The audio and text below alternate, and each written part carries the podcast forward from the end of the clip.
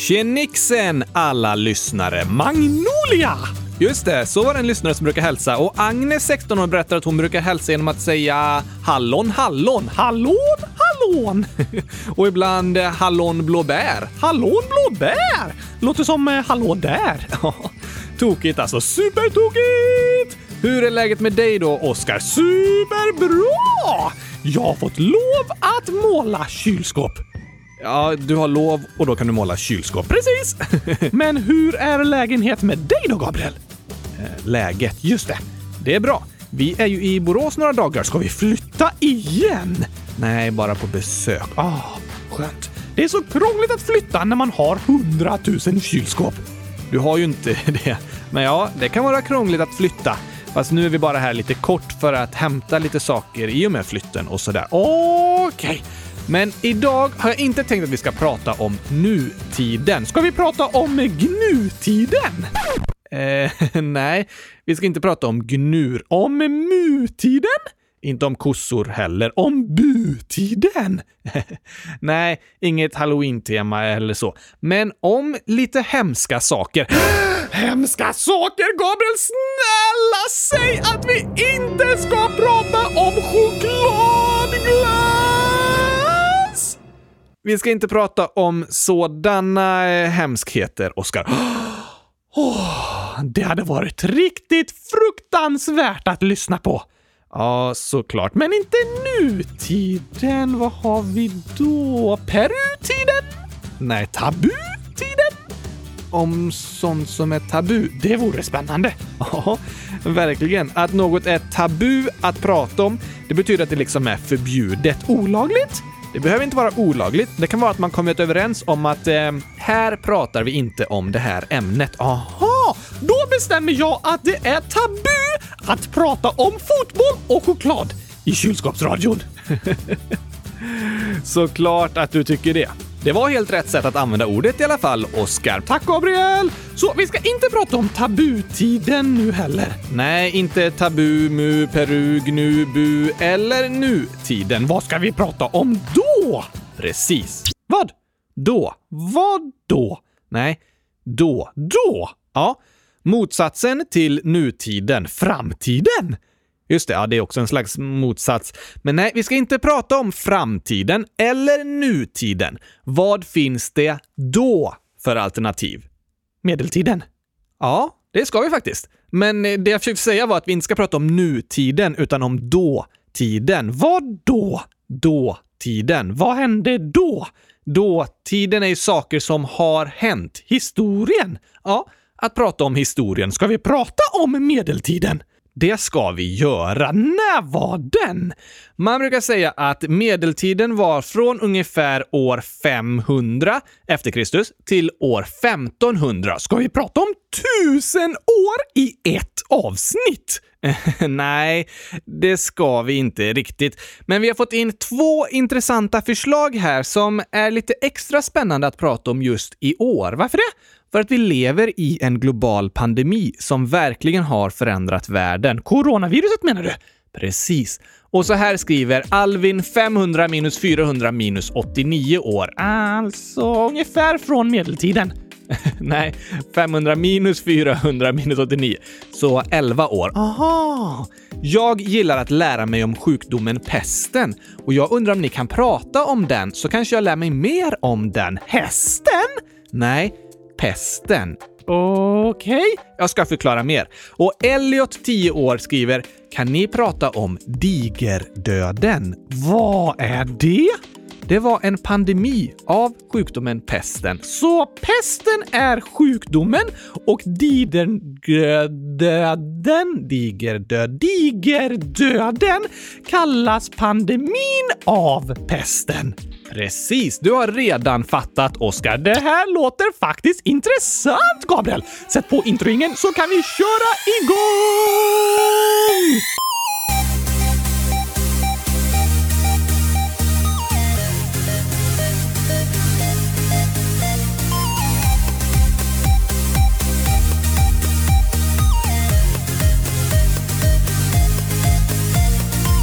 Äntligen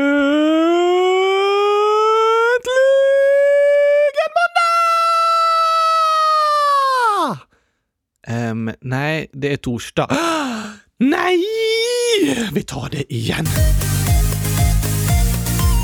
Uh,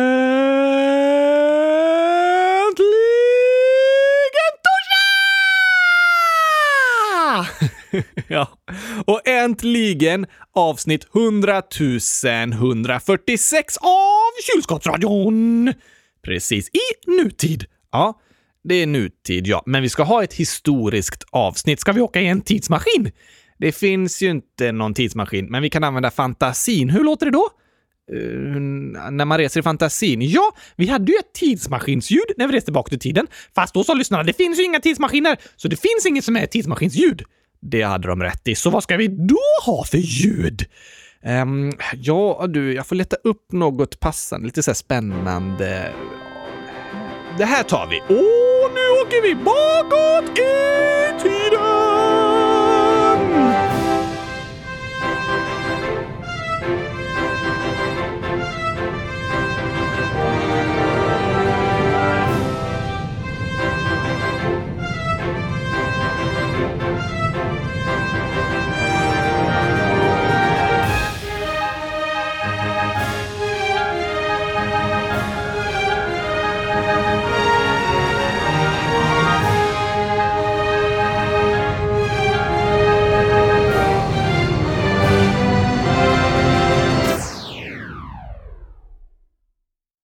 Vi är i början av 1300-talet, alltså 100 000 år sedan. 700 år sedan. Aha, då levde typ din mormors farfars mor? Nej, det är mycket längre tillbaka än så. Man räknar med att det går ungefär tre generationer per hundra år. Generationer? Ja, i en släkt har man olika generationer. Min farmor och farfar och mormor och morfar var en generation. Sen deras barn, alltså mina föräldrar, är nästa generation. Och nu är jag och mina syskon en tredje generation. Aha! Om jag skulle få barn skulle de bli en fjärde generation och födda ungefär hundra år efter min farmor och farfar. Min farmor skulle ha fyllt hundra år i år om hon fortfarande var i livet. Så 700 år sedan. Hur många generationer är det? 7 gånger 3 blir det då, alltså 21. Hmm. Din farfars mormors morfars farmors farfars mormors morfars farmors farfars mormors mamma. Ja, det är 21 generationer. Ganska länge sedan. Det är länge sedan och världen såg väldigt annorlunda ut mot hur den är idag. En stor skillnad är att människorna då inte hade samma kunskap om sjukdomar som vi har idag. Det var Ignaz Semmelweis som ändrade på det. Han var en av dem som gjorde superviktiga upptäckter, ja, om bakterier och att vi människor kan smitta varandra genom att sprida bakterier. Men det var så sent som på 1800-talet. Spreds det mycket sjukdomar på 1300-talet? Det gjorde det. Och den värsta av dem alla var pesten. Det brukar sägas att genom historien har pesten varit mänsklighetens största fiende. Den enskilt största katastrof som människorna någonsin drabbats av. Genom historien har fler människor dött av pesten än i alla krig sammanlagt. Oj då! Men eh, hur många människor fanns det på 1300-talet? Det är svårt att veta exakt eftersom det inte gjordes några folkräkningar på den tiden.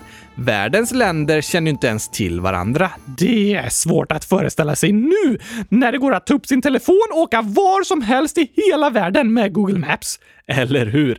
Idag känner vi till alla länder och platser som finns på jordklotet och vi kan googla och se bilder från var som helst. Men på 1300-talet fanns det inga bilder och väldigt få människor åkte ens till något annat land och kände inte till något mer än platsen de själva bodde på. Så det var ingen som höll koll på hur många människor som levde på hela jorden.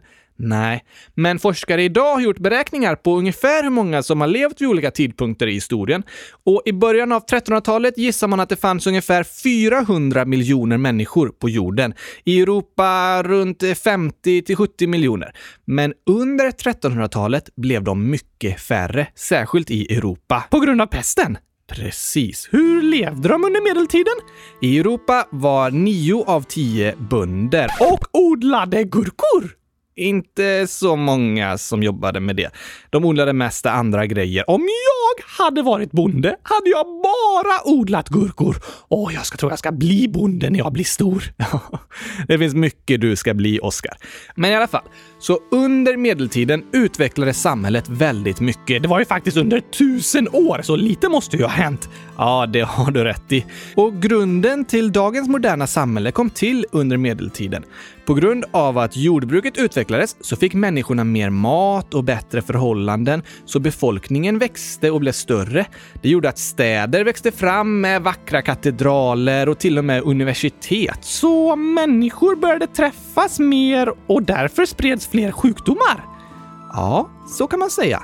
Så länge alla bara bor på sin egen gård så sprids ju inte sjukdomar så lätt. Men när man samlas i städer, på marknader och även börjar flytta mellan olika platser, ibland till och med länder, så sprids sjukdomar lättare. Vad var pesten för något då? Pesten är en infektion orsakad av en bakterie som heter Yersinia pestis. Infektion? En infektion är en smittsam sjukdom. Aha, så pesten är en sjukdom som smittar. Ja, är den dödlig? Väldigt dödlig. Det finns tre olika slags symptom. Buldpest, lungpest och blodpest. Vad är det för skillnad på blödpest och blodpest? Buldpest. Huh? En böld är eh, en sån där typ blåsa på huden, ofta fylld med var. Var, sa du? Var? Ja, det kan vara på olika delar av kroppen. Men ja, den kan vara fylld med var. Var? I bölden finns det VAR. Video Assistant Referee. Det låter hemskt att filma inne i en böld. Nej, inte VAR som på fotbollsmatcher. VAR är en sån där vitgul slemmig vätska som bildas vid en infektion. Aha! Det är äckligt. Verkligen. Och när man blev sjuk i pesten var det vanligt att få stora bölder över hela kroppen, så kallad böldpest. Då syntes det verkligen att man var sjuk. Ja, det gjorde det verkligen. Böldpesten var väldigt dödlig, men alla som drabbades dog inte, fast mer än hälften. Och i de andra två formerna av pesten var det i princip alla som smittades som senare dog. Va? Så farligt är inte corona. Nej, det är ju mindre än en procent av alla smittade som dör i covid-19. Men idag hade inte pesten kunnat sprida sig och döda lika många som på 1300-talet. Inte? Nej, för om sjukdomen pesten inte behandlas då är den superdödlig. Men idag finns olika sorters behandling mot en sån infektion, till exempel antibiotika. Aha, så en stor skillnad var att de inte hade kunskap om sjukdomar och visste inte vad som hände? Precis. På grund av sin höga dödlighet och att pesten sprids väldigt lätt så har den sjukdomen genom historien varit mänsklighetens allra största fiende. Hela städer har ödelagts när pesten har dragit fram och vid särskilt tre olika tillfällen har det funnits globala pandemier av pest. Pandemier över hela världen! Ja, eller stora delar av världen i alla fall. Den första pestpandemin började på 500-talet och varade i ungefär 200 år hundra år? Ja, hoppas inte coronapandemin blir så lång. Eller hur? Det tror jag inte. En stor skillnad är ju att coronapandemin spreds supersnabbt över hela världen för att vi kan resa till andra sidan jorden på en dag och ringa telefonsamtal. Ja, det kan vi, fast coronaviruset kan inte spridas via ett telefonsamtal. Inte?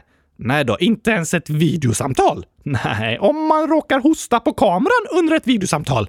Nej, då sprids det inte heller. Om man skickar en host-emoji på Snapchat! Det kan inte spridas av det heller. Vad skönt!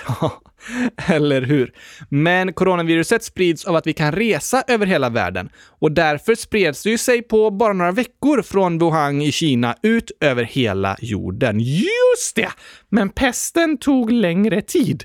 Ja, på 500-talet kunde det ta flera år för pesten att röra sig från ett land vidare till grannlandet och sen ännu fler år innan det gått vidare till nästa kontinent och sådär. Okej! Okay.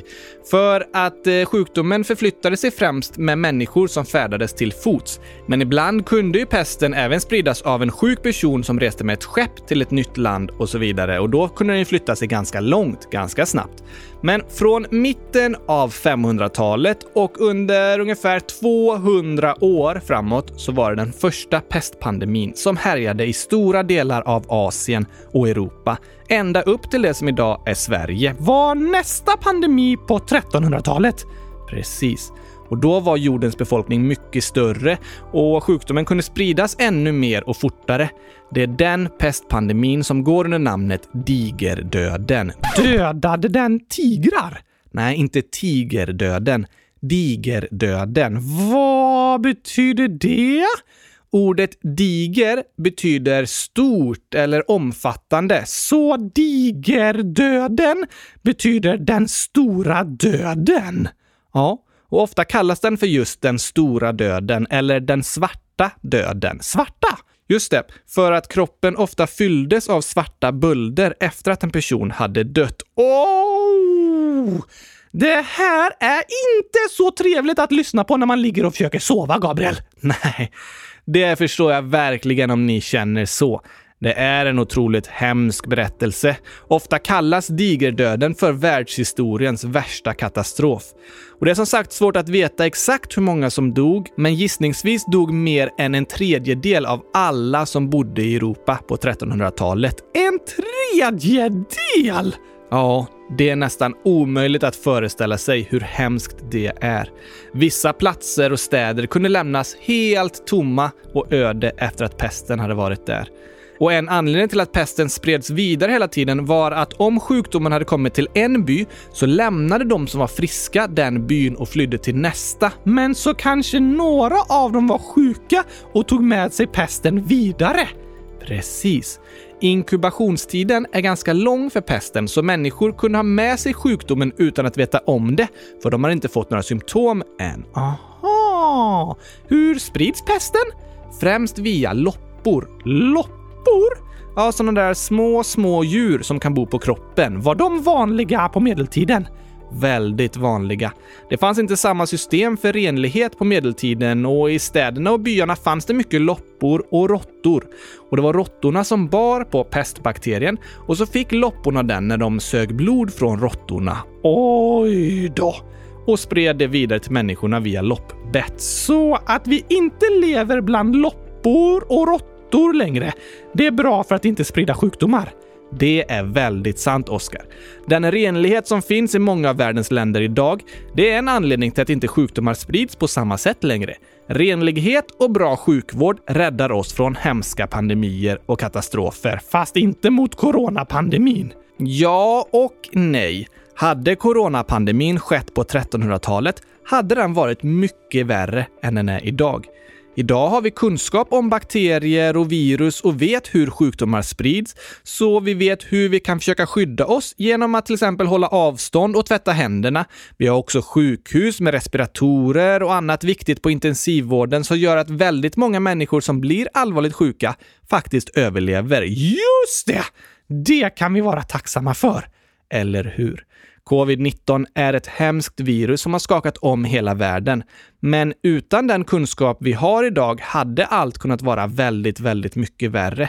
Det kan vi komma ihåg och vara tacksamma över. Men om de på 1300-talet inte visste så mycket om bakterier och hur sjukdomar fungerar och sådär, vad gjorde läkarna då för att bli av med pesten?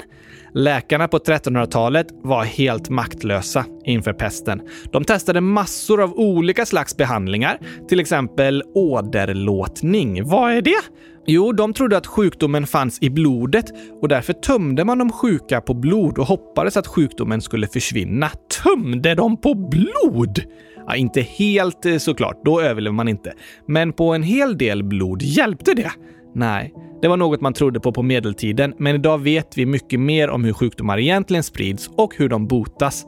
Annat läkarna försökte var att behandla de sjuka med laxermedel och medel som fick dem att kräkas. De tänkte liksom att sjukdomen fanns inne i kroppen och att den kanske kunde komma ut om de tog ut lite blod eller man fick kräkas och sådär. Just det, så kan man säga att det var. De försökte också sticka hål på bölderna och täcka dem med varma tygbitar, men inga behandlingar hjälpte. Det är skillnad mot idag. Ja, verkligen. Även om vi ännu inte har lyckats stoppa coronaviruset så kunde forskarna direkt ta reda på vad för slags virus det var, hur det fungerar och de tog fram tester för att kunna kolla om man har covid-19 eller inte. Och i rekordfart har de jobbat med att ta fram ett vaccin. Det är fantastiskt! Det är väldigt stor skillnad mot 1300-talet. Då hade inte läkarna minsta aning om vad som pågick. Plötsligt blev människorna sjuka och ingen visste hur det skulle kunna stoppas. Många trodde att pesten var ett straff från Gud för att människorna hade syndat. Oj då! Och kommer du ihåg att vi har pratat om begreppet antisemitism? Ja tack, det är som rasism mot judar. Precis. Judar har under historien varit en väldigt förföljd folkgrupp och även under digerdöden spreds ett stort hat mot just judar då man sa att det var deras fel och de utpekades som syndabockar. För pesten! Ja, inte okej okay att säga så. Verkligen inte. Så många judar förföljdes och dödades för att de fick skulden för världens problem, som vid Förintelsen. Ja, när det är ett problem i ett land så letar man ofta efter någon att skylla på. Nazisterna på 30-talet skyllde på judarna. Likaså gjorde människor det under pesten. Många länder idag skyller på invandrare eller andra grupper av människor, fast det är inte deras fel. Nej, precis. Vi får inte börja skylla problem på en särskild grupp människor, för det är sällan deras fel och det skapar mycket hat. Många personer letar efter någon annan att skylla på när saker går dåligt och det kan få väldigt hemska konsekvenser. Det har vi sett i historien och vi måste akta oss för att göra samma fel igen. Väldigt sant! Men kan vi inte ta lite skämt nu? Jag behöver verkligen få tänka på något annat än sjukdom och död. Jag förstår vad du menar och det låter skönt att ta en skämtpaus.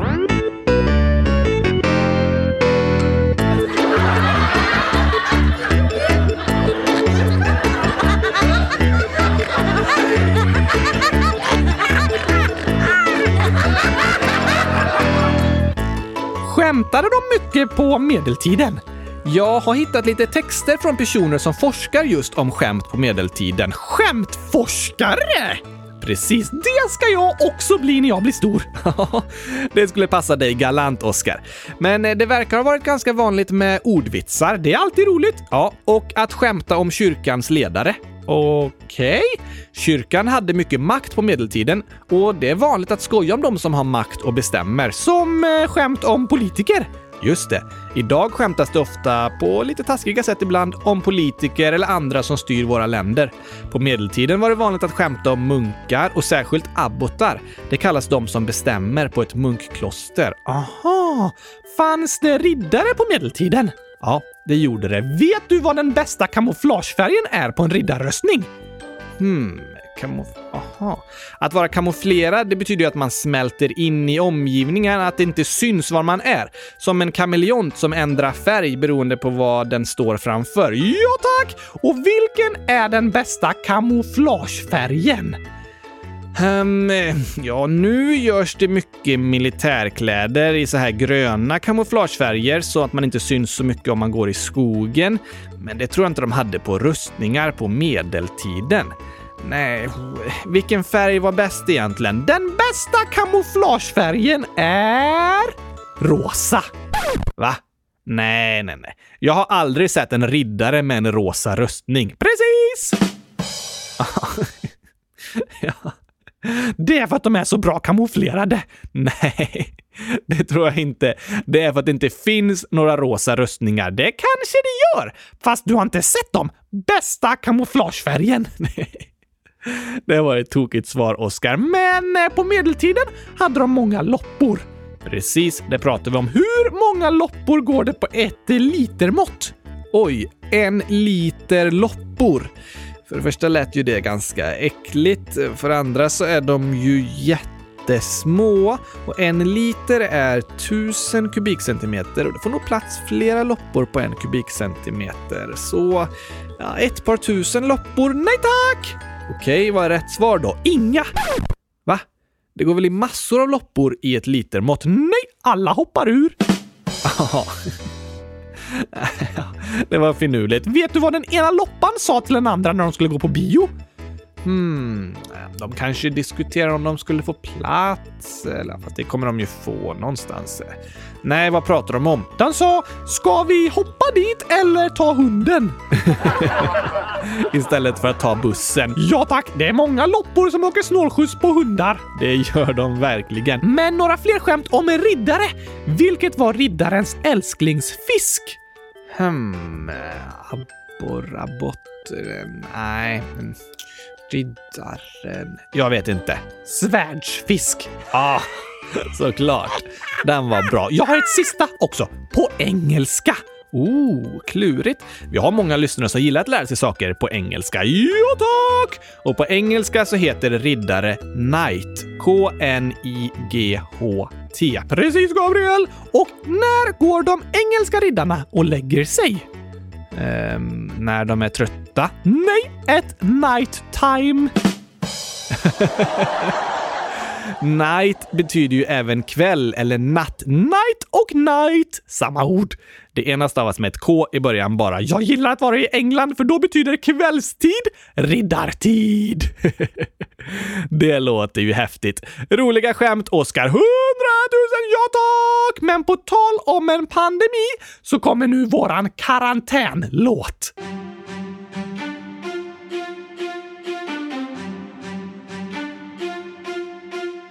Ibland går livet upp, ibland kan det gå ner. Ibland i glasskiosken är chokladglass allt du ser. Solen byts mot regn, men vintern blir till vår. Och du får gurkaglass i mängden när du fyller år. Vi önskar att vi kunde bestämma vad som kommer ske. Men ibland får vi kontrollen lämna och bara glida med. Och vi sitter här i karantän.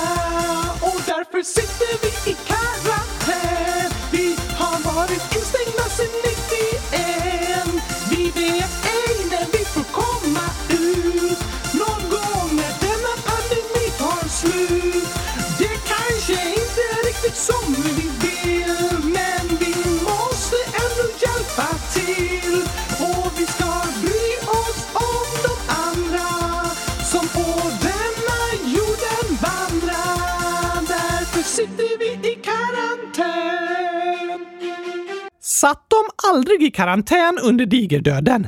Nej, som sagt visste de inte vad som pågick och hade ingen aning om vad de kunde göra för att stoppa spridningen av pesten. Men de eh, anade att man antagligen inte ska vara nära de som är sjuka. Det var därför många flydde till en annan by eller en annan stad om pesten hade kommit dit de bodde. Just det! Så mer än en tredjedel av alla människor i Europa dog. Ja. Digerdöden var verkligen en fruktansvärd tid och befolkningen hade i mitten av 1300-talet krympt ordentligt. Det var inte förrän i mitten av 1500-talet som Europas befolkning var lika stor igen som innan digerdöden. Så det påverkade såklart Europa jättemycket. Försvann pesten sen? Nej, den försvann inte helt, men eh, utbrottet dämpades liksom och det var inte lika allvarligt under ett par hundra år. Har det varit någon mer pestpandemi efter digerdöden? Det har det. Den senaste gången det var ett stort utbrott av pesten i Sverige var år 1710. Då dog nästan 40 procent av alla som bodde i Stockholm. Oj! Igen? Men finns pesten inte kvar nu? Det finns platser på jorden där råttor och löss bär på pestbakterier och kan smitta människor via loppet. Men nu har det inte varit något utbrott av pesten i Sverige på över 300 år. Det är i alla fall skönt. Ja, och idag kan vi ju så mycket om sjukdomar och har botemedel som funkar, så även om någon drabbas av pesten eh, någonstans på jorden så kommer den inte spridas igen som den gjorde under digerdöden. Saker har blivit bättre. Väldigt mycket har blivit väldigt mycket bättre under de senaste 700 åren. Det är också skönt att veta att en pandemi kan ta slut. Eller hur? Pesten är en av alla sjukdomar som har övervunnits. Det finns många livsfarliga sjukdomar som vi med modern sjukvård och vaccin i princip helt lyckats utplåna. Vilka då? Smittkoppor till exempel. Det är en jättefarlig sjukdom som fanns bland människor i över 3000 år, men som Världshälsoorganisationen år 1980 sa att den här sjukdomen är helt utrotad. Wow! Hur då? Med hjälp av vaccin. Och andra sjukdomar vi är på väg att utrota, det är polio, röda hund och mässling. Det är goda nyheter. Det är det verkligen. Tror du att coronaviruset kommer utrotas? Det är svårt att veta. Coronavirus är ju ett samlingsnamn för flera virus och det kan hända att det finns olika sådana virus kvar. Men hela tiden lär vi oss ju så mycket mer om sjukdomar och hur våra kroppar fungerar och under denna pandemi så har sjukvården utvecklats jättemycket. Så i framtiden kommer den vara ännu bättre och vi kommer veta ännu mer hur vi stoppar pandemier. Det är sant! Så antagligen kommer inte coronapandemin hålla på i 200 år som den första pestpandemin. Nej, det tror ingen. Det känns ju som coronapandemin redan har hållit på jättelänge, fast inte i 200 år. Nej, det är ju närmare 200 dagar. Och vi kommer behöva anpassa oss efter coronaviruset ett bra tag till. Men det är jättestor skillnad idag mot när pesten härjade under medeltiden. Idag vet vi hur viruset fungerar. Precis, och vi vet vad som är bra att göra för att stoppa spridningen och med tiden kan ett bra vaccin tas fram. Det hoppas och tror vi på. Det gäller att inte vara för stressade, för det kan ju finnas vissa faror med ett vaccin, men med tiden kommer antagligen ett säkert vaccin finnas tillgängligt som kan stoppa den här pandemin. Liksom andra sjukdomar håller på att helt utrotas tack vare den moderna sjukvården. Efter ett väldigt hemskt avsnitt så är det i alla fall goda nyheter. Ja, eller hur? Det finns mycket hemskt i historien, men som vi har lärt oss av och som kan göra framtiden så mycket tryggare och bättre för så många människor. Skönt att veta. Jag håller med. Då sjunger vi så här istället. Och vi sitter inte i karantän. Vi var instängda sen 91. Vi vet det vi får slut. Och det är inte riktigt som vi vill. Nej. Men vi måste ändå hjälpa till och bry oss om de andra som på denna jorden vandrar. Och därför sitter vi inte i karantän. Vi var instängda sen 91. Nu vet vi när vi får komma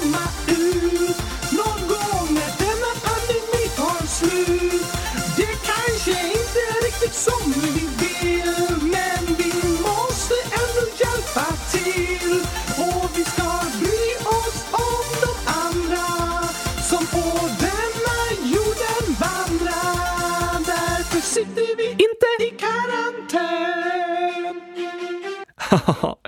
Vi hoppas på en framtid utan karantän, även om det just nu går åt lite fel håll med coronaviruset, så vi måste fortsätta ta det på allvar och vara försiktiga. Det är sant, Gabriel! Men i alla fall är det skönt att vi vet vad vi kan göra för att det ska bli bättre. Precis. Vi vet ju faktiskt vad vi kan göra för att begränsa spridningen av coronaviruset. Det är inte som under digerdöden när läkarna inte hade en aning om vad som pågick. Stämmer! Ska vi ta några frågor innan vi avslutar? Några kan vi ta. Och först tar vi ett eh, misstag igen! som lyssnarna uppmärksammat. Det är Gabriella, 10 100 000 år, som skriver “Det går inte att trycka på två stycken i omröstningen.” Och Tidibo, 100 000 år, riktigt 10 år. Hahaha, ni sa att man kan rösta på flera julkalendrar, men man kan inte rösta på flera. PS9 är bäst.” Aha, i omröstningen om julkalendrarna? Precis, och det är ju sant hörni. Det var lite fel inställningar i den enkäten så det gick bara att rösta på ett förslag i taget fast jag sa att det skulle gå att rösta på flera. Men nu går det att kryssa in mer än ett om man vill gå in och rösta igen. Får man göra det? Det tycker jag. Omröstningen ligger ju ute på första sidan på kylskåpsradion.se. Men det ni tidigare har röstat på, det finns såklart kvar också. Vi har bara ändrat inställning nu så att man kan kryssa i flera alternativ. Men Gabriel, när kommer resultatet? Resultatet om årets julkalender presenterar vi på måndag. Ah! Jag kan inte vänta tills måndag! Jag förstår det och kan inte vänta till julkalendern! inte det heller. Har det kommit in några frågor till Marcus då? Ja, det har det. Superbra frågor! Vi ska ju snart intervjua Marcus om hur det är att vara blind. Fortsätt gärna skriv frågor till honom i frågelådan på kylskåpsradion.se. Just det. Och sen frågar Melker, 9 år. Har ni en speciell tid när podden laddas upp? Ni är bäst. Snälla kan den här frågan komma med i podden? Du och Oskar är bäst. 100 000 tack, vad snällt sagt! Och ja, vi laddar alltid upp podden eh, precis efter den är klar. Ja, såklart. Men det är ju ingen särskild tid. Nej, det har du rätt i. På måndagar och torsdagar har vi inte en särskild tid. Vi har bara liksom två bestämda dagar och vi producerar ofta avsnittet under den dagen. De är rykande färska. Verkligen. Som nygräddad gurkaglass. Du gräddar väl inte gurkaglassen? I ugnen menar du? Nej, men det går att ha grädde i för att göra typ gurkaglass-milkshake. Ja, fast att grädda handlar inte om grädde. Va? Nej, man gräddar en smet eller en deg i ugnen eller i en stekpanna. Eh, okej. Okay. Man kan grädda bullar och grädda pannkakor, men det betyder inte att man lägger grädde på dem. Nej, utan att smeten eller degen tillagas. Aha. Det vore mer logiskt att det hade med grädde att göra. Ja, det kanske det vore. Jag vet inte. Vad var vi egentligen? Just det. Du sa att eh, avsnittet är som nygräddad gurkaglass. Men gurkaglassen är inte nygräddad och rykande färsk, för den är kall. Precis. Men avsnitten är ofta färska som nygräddade bullar. Och vi lägger ut dem precis när vi har redigerat klart. Ibland skriver vi manus, spelar in och redigerar på samma dag. Idag har vi fått göra det alltihop. Stressigt! Ja, det är ganska stressigt faktiskt. Ibland hinner vi skriva manus dagen innan, eller ett par dagar innan, i alla fall börja förbereda. Men vi gillar ju att vara så aktuella som möjligt. Som idag när vi pratar om vad som hände för bara 700 år sedan. Just det, ja. Inte så aktuellt kanske, men det finns ju mycket kopplingar till vad som händer i världen idag med coronapandemin. Ja tack, det har du rätt i. Så nej, Melker, vi har ingen särskild tid då vi alltid lägger ut avsnittet. Ibland, om vi har spelat in dagen innan till exempel, läggs de ut på morgonen, men oftast på eftermiddagen eller tidig kväll, typ runt klockan fem eller sex. Sen kan vissa appar ta lite längre tid på sig att ladda in avsnittet. Det kan tyvärr inte jag styra över, men oftast brukar de finnas tillgängliga i apparna inom ett par minuter efter vi laddat upp det. Första stället de hamnar på är i alla fall på hemsidan, men man kan få en notis i appen när det kommit ett nytt avsnitt. Ja, om man prenumererar på podden i till exempel iTunes eller Spotify, då kan man få en notis som ett meddelande när avsnittet är upplagt. Om man vill! Ja, det kan vara smart att göra, men annars är det bara att gå in när man känner för att lyssna och hålla tårna för att det nya avsnittet är ute. Hålla tummarna. Just det. Det kan inte jag. Nej, så jag biter på tårna istället. Okej. Okay. En sista hälsning idag skickar vi till Axel, 10 plus 0, snart 10 plus 1 år. Jag fyller 11 år på söndag den 1 november. Är det 1 november på söndag? Det är det. Helt otroligt! Ja, då är det alla helgons dag och Axels födelsedag. Precis. Stort grattis Axel! Hoppas du får en fantastiskt bra dag. Det önskar vi alla lyssnare. Det gör vi verkligen. Ha ett fortsatt bra höstlov, en superfin helg och så hörs vi igen på måndag med ett resultat! Det blir spännande hörni. Tack för idag. Hoppas ni har lärt er något. Eller hur? Vi hörs snart igen. Tack och hej medeltidspastej! hej då!